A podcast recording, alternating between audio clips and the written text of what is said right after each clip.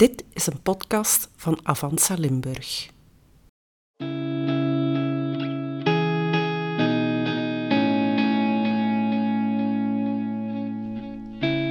Genk woont.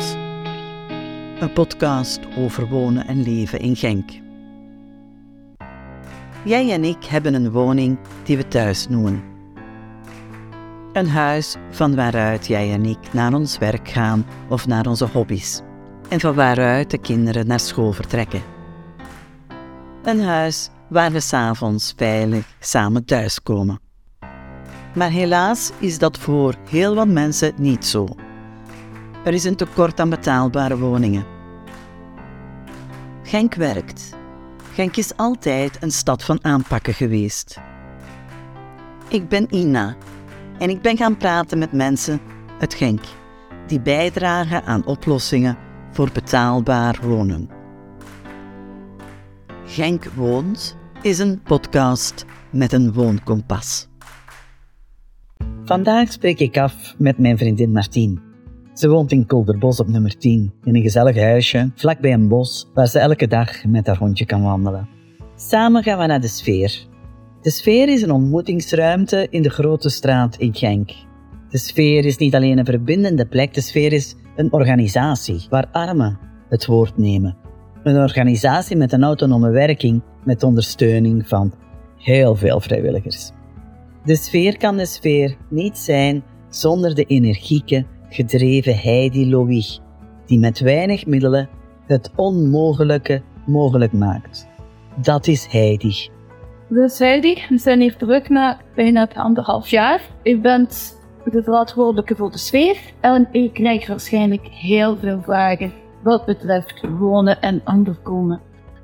Op dit moment krijgen wij zeer veel nieuwe daklozen binnen. Ene zijn de draaideurcliënten. Dat zijn mensen die heel vaak woonst vinden en dan na verloop van tijd hun woonst toch terug verliezen, omdat er toch iets meer begeleiding op moet zitten. En dan heb je de nieuwe armen. Dat zijn mensen die ziek zijn geworden, mensen die gescheiden zijn, die om welke omstandigheden ook alleen zijn. En die geraken ook niet meer zo gemakkelijk aan woonst. En die kunnen wel schrijven voor het sociale huisvestiging, maar uh, dat zijn zeer lange wachtlijsten.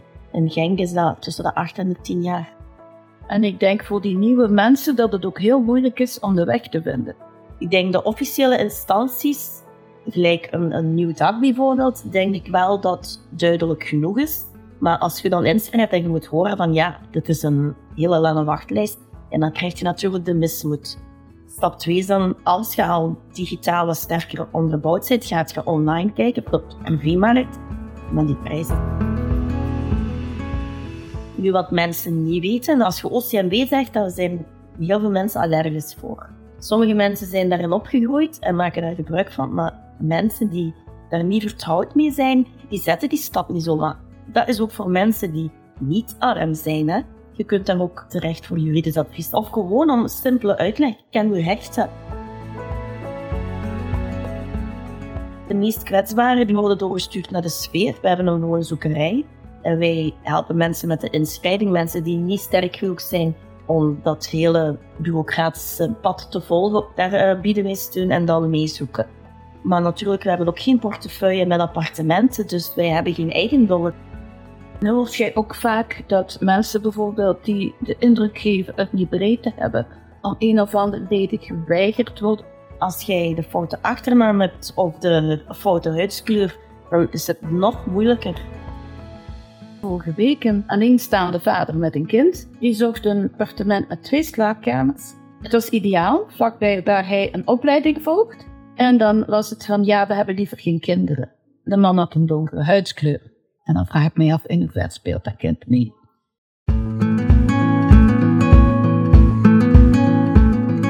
Ja, klopt. Je hebt zo uh, hier lokaal de mystery calls.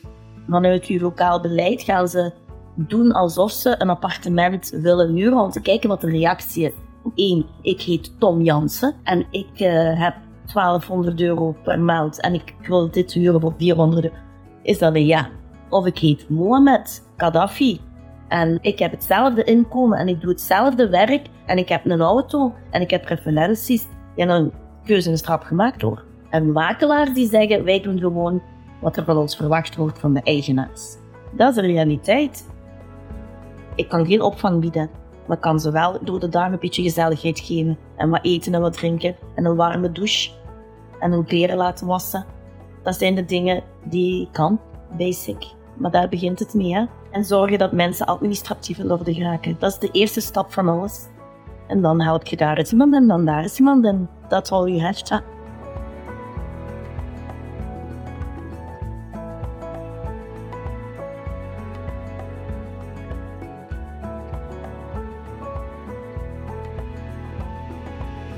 Er zijn heel veel diensten die nu echt maatwerk bieden op vlak van zoeken naar werk. Echt op maat. Met een, met een arm af, uh, iemand met een andere problematiek. Dus dat bestaat nu dus wel. Hè? Maar ik weet niet als je weet waar je zou moeten zijn als je in die positie komt. En dat is, dat puur middelen gerelateerd. Die subsidies komen allemaal van dezelfde kanalen. Hè? Het is maar aan de overheid die zal moeten beslissen van dat is gedaan met koepel na koepel na koepel. En wij hier van onder zitten maar eh, de een na de ander zomaar individueel, maar niet structureel te helpen. Dat vind ik jammer. Waren mensen die nu 65 zijn en die gaan op pensioen. En nu word ik geconfronteerd met nieuwe collega's die dat, die kennis nog niet hebben, die ervaring niet hebben en heel vaak ook inleving missen. En dat stoort mij. Dat stoort mij enorm. Dat wordt bijna commercieel. De, de mens wordt vergeten. En nu corona. Ja, dat is verschrikkelijk, hè? Want die nieuwe generatie, die kan dat heel goed, hè, van achter de computer werken. Hè. Die zijn daarin gespecialiseerd. Ik niet. Ik ben ook de madame met de papieren agenda. Maar dus ik moet nu ook terug mijn weg zoeken. Want ik ga het toch met die jonge generatie moeten doen. Hè. Armoede is breed, hè. Want daar zagen de minste mensen over tegen mij over geld. Dat is echt waar. Maar de andere levensdomeinen die aangeraakt worden, als je het financieel moeilijk hebt, en waarbij je uitgesloten wordt in de maatschappij, dat zijn de dingen waar je voor moet zijn. De laatste zes maanden krijgen wij meer en meer telefoons van scholen, omdat ze geconfronteerd worden met armoede, thema's waar ze niet goed weten hoe ga ik hiermee om. Dus, en nu hebben we ondertussen drie scholen die daar dus echt voor openstaan. Hè. Materdij, Sint-Joseph en nu Don Bosco. Hoe erg is het nu dat die meneer moet komen vragen, mag ik alsjeblieft mijn mas komen doen? We leven in België, hè? Dus dat wil zeggen, er zijn wasmachinelokalen genoeg, voor te duur. We zitten met heel veel zetelslapers. Alleen al wat ik hier heb, wat zich heeft komen douchen en een was doen, nu de laatste maand denk ik 15, waarvan zeker vijf nieuwe. Ik heb nu een, bijvoorbeeld een man van Polen, ik ken die mensen van vrijdag. Dossier belt. Ja, die man heeft geen rechten. Ga maar naar de sfeer. Ja, maar hallo, wie ben ik? Maar dat is ook, hè, als je hier geen verblijfsvergunning hebt en je werkt niet, kunt je hier ook niks krijgen. Dus dat is, dat is wetgeving. Ja, wij kunnen die wel even depaneren met een maaltijd en een douche. En, maar ja, dat stopt het ook. Dus ik heb hem mijn beste Engels ook moeten uitleggen. Kijk meneer, je hebt niet veel opties. Ofwel moet je terug werk vinden en zorgen dat je twee jaar aan het werk blijft met een wettelijk adres hier. En dan bouwt je rechten. Die worden dan hier gehaald. En dan heb je heel vaak van die bazen die crimineel zijn. Dus die maken gebruik van die mensen.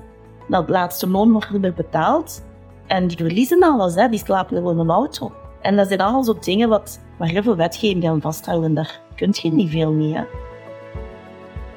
wonen toe, oh, verschrikkelijk. En ik vraag me af, daar kun je volgens mij nooit niks aan doen. Als ik geen Afrikanen in mijn eigendom wil, dan zullen er ook geen komen. En waarom niet? Omdat de vraag veel groter is dan het aanbod. Dus ik heb keuze genoeg als eigenaar. En wie zijt jij om mij tegen mij te zeggen wie daarin zit en wie niet? Ga dan maar eens proberen te bewijzen aan de rechtbank dat ik discrimineer.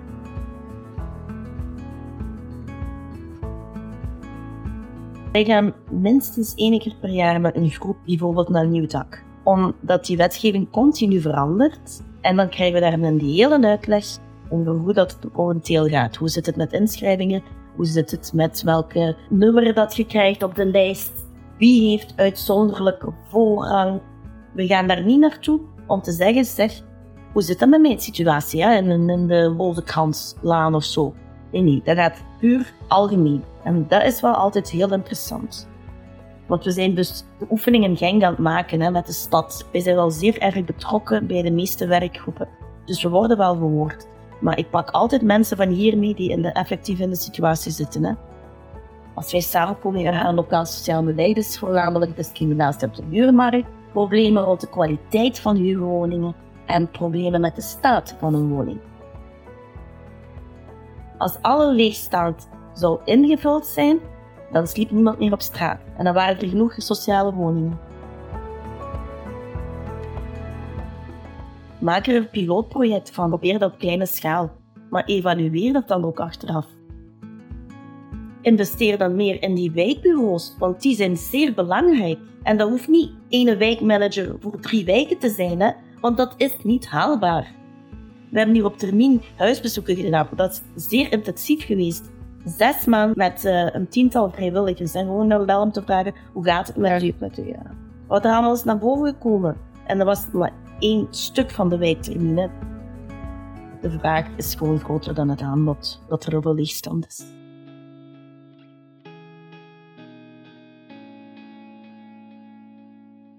Nieuwdak, de sociale woonmaatschappij, ligt op 200 meter afstand van de sfeer in dezelfde straat. Ik ben heel erg benieuwd naar wat William Engelen ons kan vertellen. Fijn dat je luisterde en tot een volgende Genk woont. Nieuwsgierig naar meer? Beluister dan ook onze andere maatschappelijk relevante podcasts via avansalimburg.be of jouw favoriete podcastkanaal.